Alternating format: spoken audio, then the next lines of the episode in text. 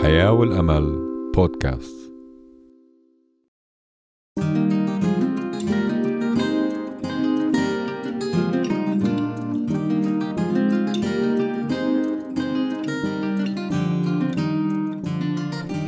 إذاعة صوت الحياة والأمل لحياة أفضل.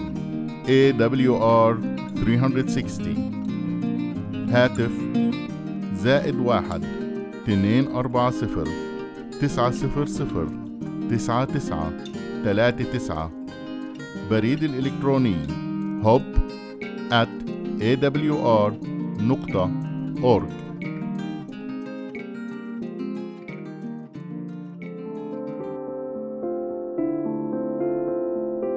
أهلا بكم مستمعينا الكرام. سنستمع اليوم إلى بحيرة نار سفر الرؤيا في الجزء الثاني. ضمن سلسلة رؤيا الرجاء كما سنستمع إلى فقرتين عن الصحة بعنوان قوة العضلات وعلاج العقل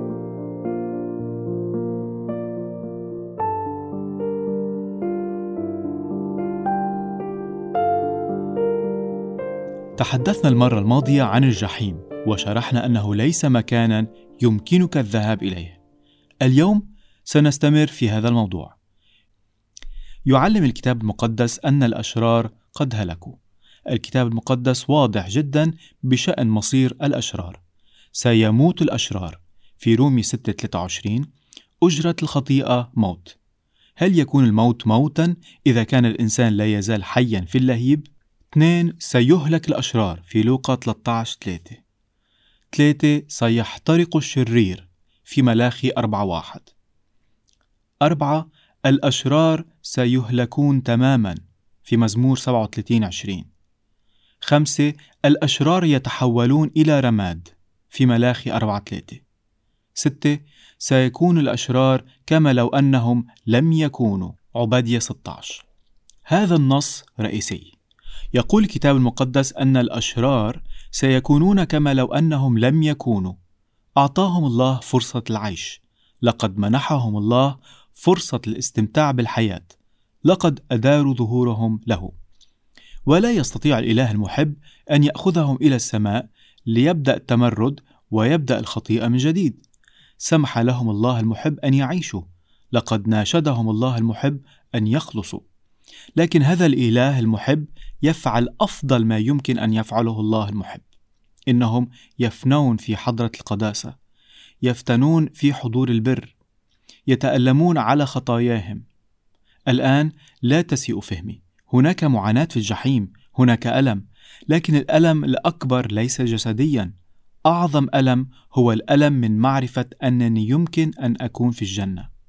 كان من الممكن أن أكون داخل تلك المدينة ويمكن أن أفرح وكان بإمكاني العيش مع المسيح إلى الأبد. كان من الممكن أن يكون الفرح الأبدي ملكي والآن فقدت كل شيء. سيتم تدمير الشيطان بالكامل. يقول إشعياء 47 14 إن الشيطان سيهلك بالكامل. ذهب الشيطان وذهبت الملائكة الأشرار وذهبت الخطيئة. أمجد الله على أن الخطيئة ستزول إلى الأبد وإلى الأبد. ولكن ماذا عن مفهوم الجسد والروح؟ ألا يعود الجسد إلى التراب ولكن الروح تذهب إلى الجحيم؟ لنسأل يسوع هذا السؤال. هل يمكننا أن نثق بيسوع ليقول لنا الحقيقة؟ يقول متى 10 28 ولا تخافوا من الذين يقتلون الجسد ولكن النفس لا يقدرون أن يقتلوها بل خافوا بالحري من الذي يقدر أن يهلك النفس والجسد كليهما في جهنم وفقا ليسوع أي أجزاء من جسد الإنسان وروحه تنتهي في الجحيم؟ كلا الجزئين بحسب يسوع ما هي الأجزاء التي تهلك هناك؟ كلا الجزئين وماذا عن التعبير الكتابي نار لا تطفأ؟ في مرقس 9 43 وإن أعثرتك يدك فاقطعها خير لك أن تدخل الحياة أقطع من أن تكون لك يدان وتمضي إلى جهنم إلى النار التي لا تطفأ حيث دودهم لا يموت والنار لا تطفأ يشير الكثيرون إلى هذه الآية ويقولون انظر هذه هي النار الأبدية النار لا تطفأ دودهم لا يموت. لاحظ أنه لا يقول أن روحهم الخالدة لا تموت بل يقول أن دودهم لا تموت. النار التي لا تطفأ هي حريق لا تستطيع الأيدي البشرية إخمادها. تحترق حتى تستهلك كل شيء. هنا دليل الكتاب المقدس على ذلك. في إرميا 17 27 فإني أشعل نارا في أبوابها فتأكل قصور أورشليم ولا تنطفئ. كانت هذه الآية تتحدث عن دمار أورشليم. دمر نبوخذ نصر أورشليم ومرة أخرى تدمرت في سبعين ميلادي على يد الرومان. أي نوع من حريق أحرق أورشليم؟ كان حريق لا يمكن إخماده. في كلتا الحالتين بمجرد أن أشعلت الجيوش الحرائق لا يمكن إخمادها حتى تلتهم البوابات والمباني في المدينة الآن يجب أن نسأل هل تحترق أورشليم اليوم؟ هل احترقت طوال ألفين عام؟ لا على الإطلاق لكن ألم تكن حريقا لا تطفأ؟ النار التي لا تطفأ هي تلك التي لا تستطيع يد بشرية إخمادها هدف يسوع العظيم هو خلاص الرجال والنساء بمحبة لكن إذا تمردوا على خلاصه فإن نارا لا تطفأ ستلتهم كل خطيئة في الكون. في يوم من الأيام لن يبقى رماد واحد للخطيئة. سيقوم الله بعمل شامل. سيقوم الله بعمل كامل وسوف يتم التعامل مع الخطيئة إلى الأبد. في يوم من الأيام سيكون الشيء الوحيد الذي سيحكم هو القداسة والعدل. سيجلس الله على عرشه مع يسوع والروح القدس. وسيعيش المؤمنون الذين يثقون به معه إلى الأبد. لن تبقى الخطيئة في الجحيم في مكان ما. لن يبقى الخطاة في الجحيم في مكان ما. لن يبقى الشيطان في الجحيم في مكان ما. لن يبقى شيء من هذا لأن الله يريده أن يزول.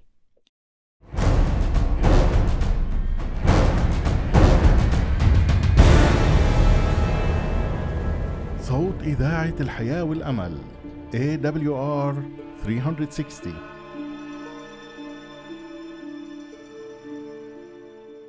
الآن اتبع هذا المنطق بعناية. فكر في ذلك جيدا.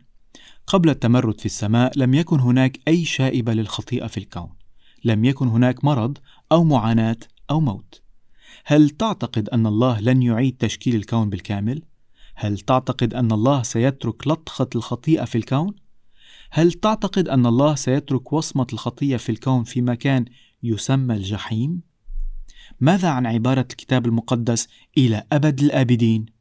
جاء في رؤيا 14 10 و 11 يعذب بنار وكبريت ويصعد دخان عذابهم إلى أبد الآبدين ولا تكون راحة نهارا وليلا يقول رؤيا 19 3 ودخانها يصعد إلى أبد الآبدين لقد رأينا للتو قائمة من آيات الكتاب المقدس التي تصف الحرائق بأنها تنطفئ في النهاية لكن هنا يتحدث بوضوح عن الدخان المتصاعد إلى الأبد هل يوجد أي شيء في الكتاب المقدس يساعدنا على التوفيق بين هاتين الفكرتين المتعارضتين؟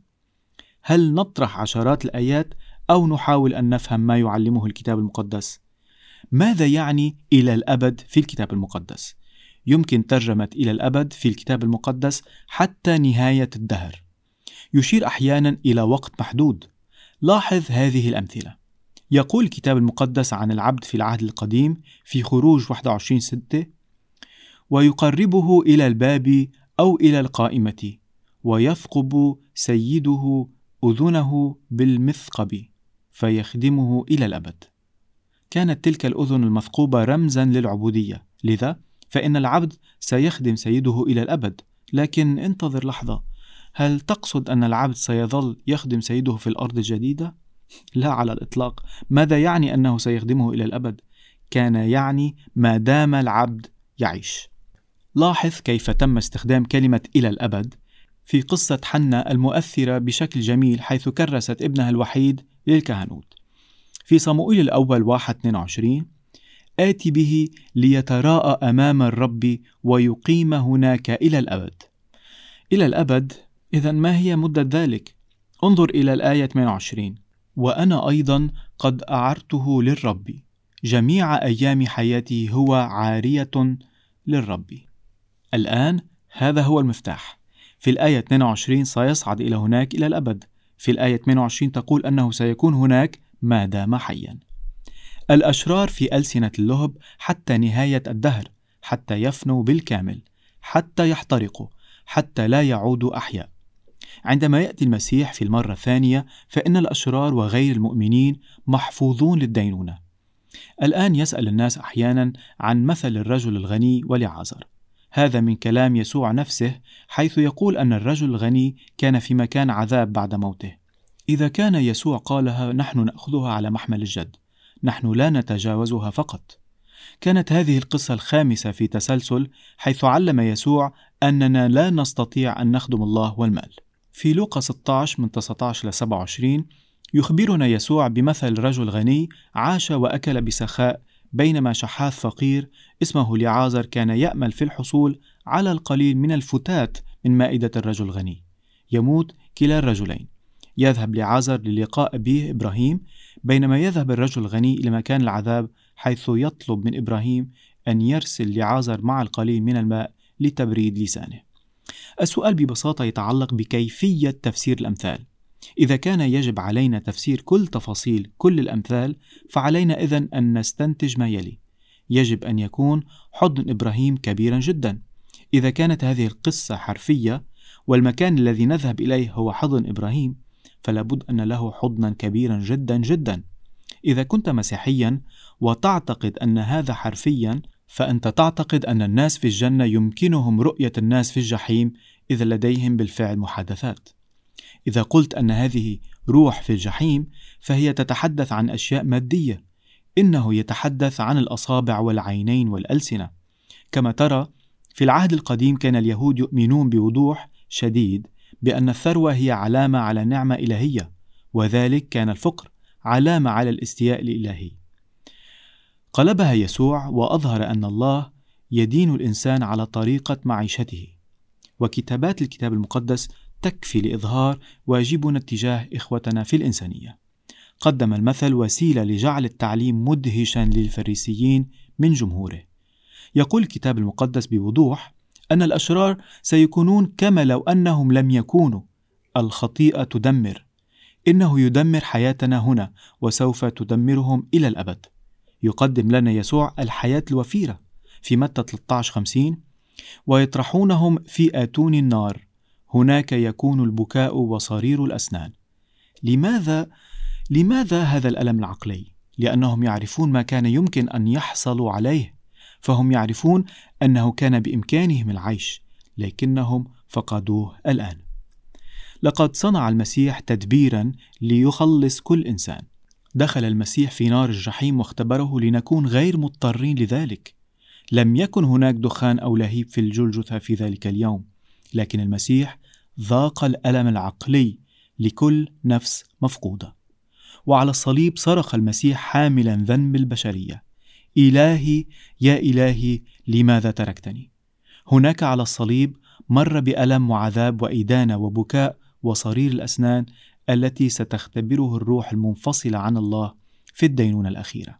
جاء في حزقيال 18 23 هل مسرة أسر بموت الشرير يقول السيد الرب ألا برجوعه عن طرقه فيحيا؟ يا له من سؤال يسأله أمام الكون كله هل يسعدني أن يموت الشرير؟ ثم يجيب في الآية 32 لأني لا أسر بموت من يموت يقول السيد الرب فارجعوا وحيوا يقول لا أسر وجودي الناري سوف يلتهم ويحرق الخطيئة في نهاية الزمان. لن تكون الخطية في آخر الزمان.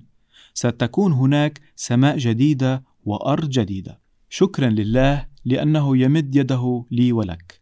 شكرا لله لأنه يمنحنا الحياة حتى لا يضيع رجل أو امرأة أو فتى أو فتاة. لسنا مضطرين لتجربة عذاب التهام النيران. لا يتعين علينا تجربة ذلك التعذيب العقلي لما كان يمكن أن يكون. ليس علينا أن نحيا حياة ذات نهاية مأساوية. ونستهلك تماما ونحترق ونتحول إلى رماد. يمكننا أن نتطلع إلى الحياة الأبدية مع يسوع. يمكننا الاحتفال بسرور يمكننا أن نفرح خلال الأبدية كلها. اليوم في أعماق قلبك. إذا كنت تريد أن تقول يا رب أشكرك كثيرا على هذه الحقيقة. أشكرك على حقيقة أن الخطية لن تبقى. أشكرك على حقيقة أن الخطيئة ستهلك إلى الأبد. شكرا لك على حقيقة أن خطة محبة الله سوف تكتسح الكون تماما من الخطيئة. تتواصل معنا من خلال دعوة للعيش والاستمتاع بالحياة في كل وفرتها وفي كل ملئها. هل تود أن تحني رأسك في الصلاة وتقول يا رب اليوم أشكرك على أن الخطية ستزول إلى الأبد. هل تود أن ترفع رأسك إلى الجنة وتقول يا رب اقبلني أريد أن أعيش معك طوال الأبدية.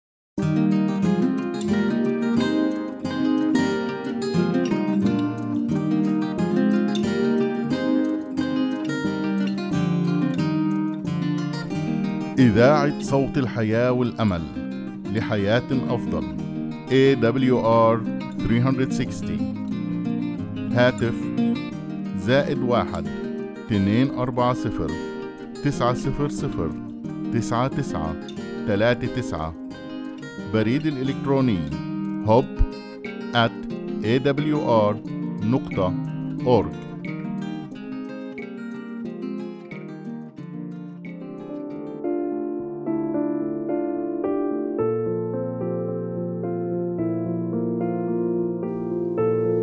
مرحبا بكم في برنامجنا كيف الحال؟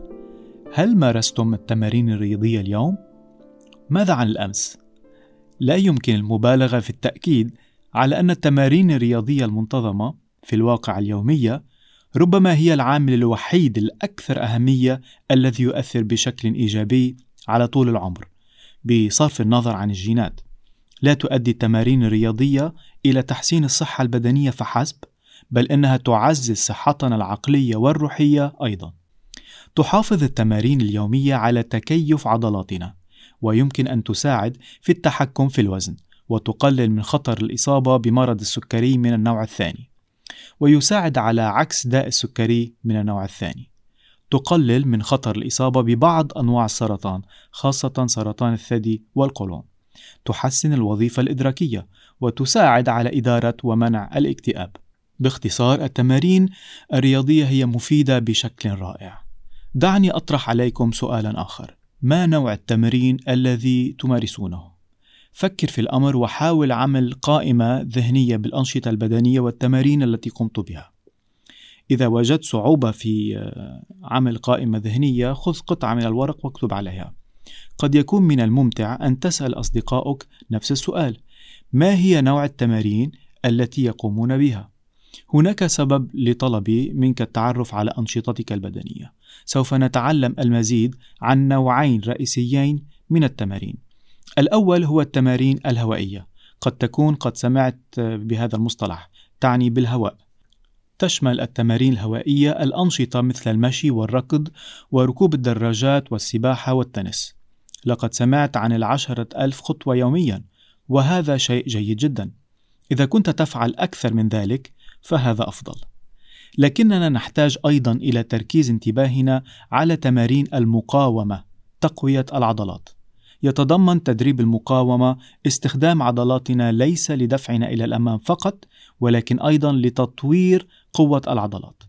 يمكن القيام بذلك بعدة طرق بما في ذلك تدريب الأوزان تمرين الضغط تمرينات البطن والاستخدام الدقيق لأشرطة التمرين المرنة. هذه ليست مفيدة فقط لزيادة قوة الذراع ولكن أيضا العضلات الأساسية التي تدعم وضعنا العضلات المحيطة بالعمود الفقري الكتفين والحوض وجدار البطن. أصبح وجودنا أكثر استقرارا. نجلس في المكاتب نعمل في أجهزة الكمبيوتر ونستخدم المصاعد والسلالم المتحركة والممرات المتحركة في المطارات ومراكز التسوق. بالإضافة إلى ذلك لدينا أجهزة منزلية تقضي تماما على الجهد البدني والمزيد من الناس لديهم سيارات. نحب القيادة في أي مكان نذهب إليه ونوقف سياراتنا بالقرب من المنطقة المتوجهين إليها قدر الإمكان. كل هذه العوامل ساهمت في أن نصبح أقل نشاطا وأثقل وأضعف عضليا وأقل حيوية. خذ هذه اللحظة لتفكر مليا في هذه المعلومات.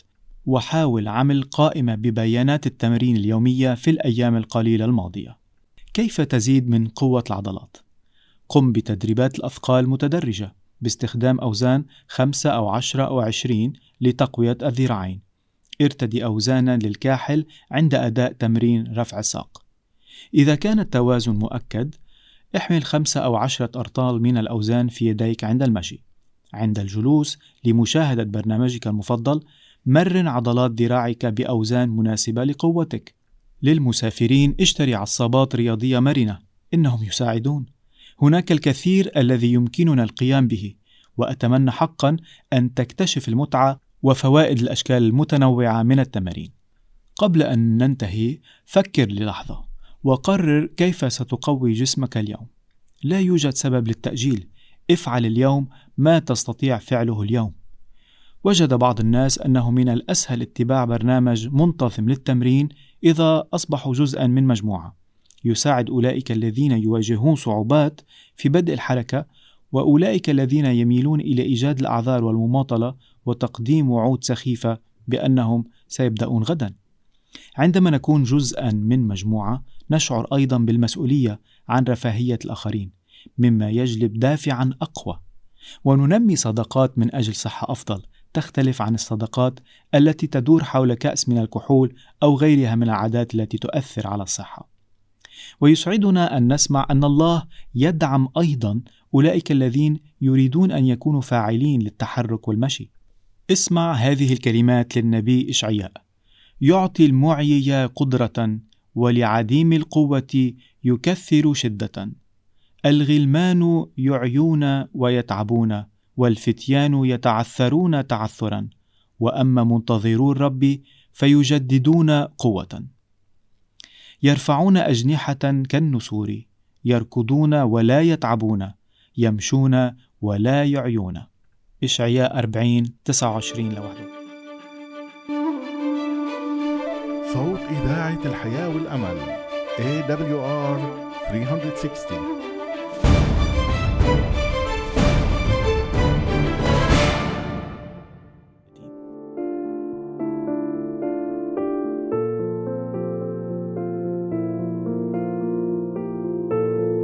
من المثير للاهتمام أن نلاحظ كيف تتغير استجاباتنا للنصائح الصحية. قد نقرأ أو قد يطلب منا مرارا وتكرارا تحسين نمط حياتنا أو طلب المشورة الطبية لبعض الوقت. لكننا نميل إلى رفض كل شيء حتى اللحظة التي يصبح فيها الألم خطيرا. ثم نصبح متقبلين بشكل مفرط.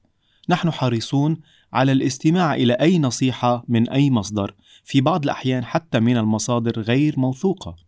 سيساعدك المثال التالي على فهم هذا الموقف. إليكم سؤال تلقيناه.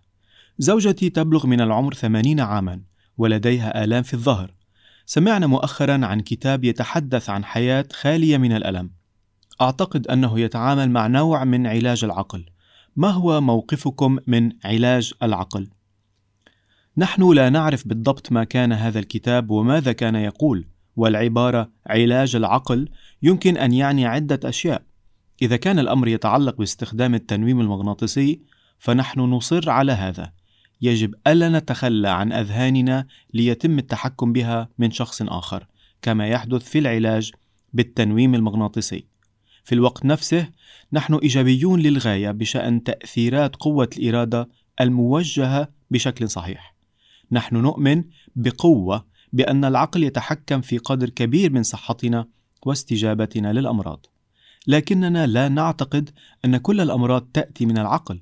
من الحماقة أن يعتقد المرء أنه يستطيع القضاء على السرطان أو الالتهاب الرئوي المستعر أو حالة الملاريا أو يصلح العظم بدون تجبير صحيح. لكن الألم شيء مختلف تماما. الألم ليس مرض إنها أعراض. يخدمنا الألم بصورة جيدة يتسبب في سحب أيدينا من موقد حارق أو الانسحاب من أداة حادة. يخبرنا أن قلبنا لا يعمل بشكل صحيح لذلك فإن الألم هو أمر أساسي بالنسبة لنجاتنا لكن الألم المزمن مختلف فهو يشير إلى تهيج بعض الأعصاب وفي بعض النواحي يمكن أن يصبح ذاتي الاستدامة من خلال استمرار وجوده. هناك شيء مثير للاهتمام لمعرفة كيفية عمل عقولنا عندما نعاني من آلام مزمنة. أدمغتنا لديها مجموعة من المسارات التي تحفز إنتاج الإندورفين. هذه مواد كيميائية تعمل كمواد أفيونية طبيعية. المواد الأفيونية هي الهيروين والمورفين ومشتقات الكوديين من النباتات مثل الخشخاش. ربما سيكون من الحكمة القول الأفيون تقليد الإندورفين. نحن أيضا قلقون جدا من أن الناس قد يتجاهلون سبب الألم أثناء المتابعة بتسكين الآلام. يجب أن يسبق التشخيص العلاج دائما، حتى لو كان العلاج سيكون معالجة للعقل. قد يؤدي عدم تشخيص مشكلة عضوية خطيرة إلى حدوث نتائج كارثية. بنفس القدر من الخطورة محاولة إيجاد تخفيف للألم في المواد مثل الكحول أو من الأدوية المسببة للإدمان مثل بعض الأدوية المسكنة للألام والمواد الأفيونية. هذه المواد لا تعالج على الإطلاق سبب الألم. إنهم يغيرون وظائف العقل وينقصون التمييز والقدرة على الاستجابة بشكل صحيح لتحديات الحياة. وهم المخدرات بمجرد تكوين العادة وفي بعض الناس يحدث هذا سريعا جدا لا يستطيع الجسم أن يعمل بدون الدواء ويلزم جرعة أعلى وأعلى للحفاظ على مستوى معين من العمل. نود أن نذكركم أن الصلاة مع إلقاء همومنا على الله قد تخلصنا من عناصر القلق تلك التي تزيد الألم. نحن لا نعتقد أنه يجب الصلاة إلى الله فقط للتخفيف من الألم والإنقاذ من المواقف الخطره بمجرد أن نجده يساعدنا في اللحظات الحرجة سوف ندرك أنه يدعونا إلى صداقة أبدية وحياة متغيرة. يدعونا داود النبي إلى الانضمام إليه في اختبار الإيمان والامتنان. عظموا الرب معي ولنعلي اسمه معا.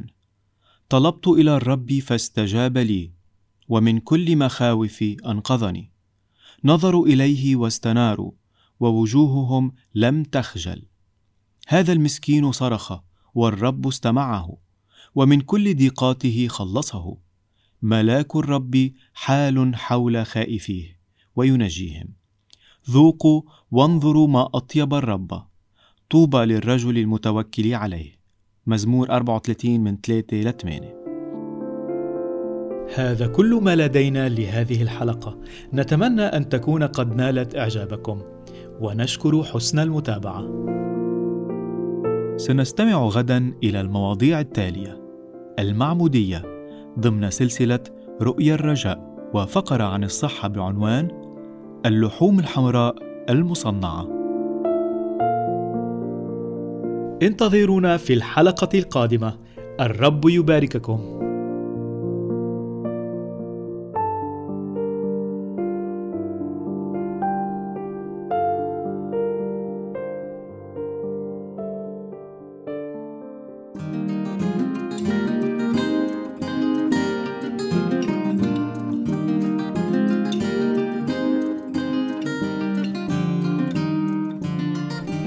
إذاعة صوت الحياة والأمل لحياة أفضل AWR 360 هاتف زائد واحد اثنين أربعة صفر تسعة صفر صفر تسعة تسعة ثلاثة تسعة. بريد الإلكتروني hub at awr نقطة org.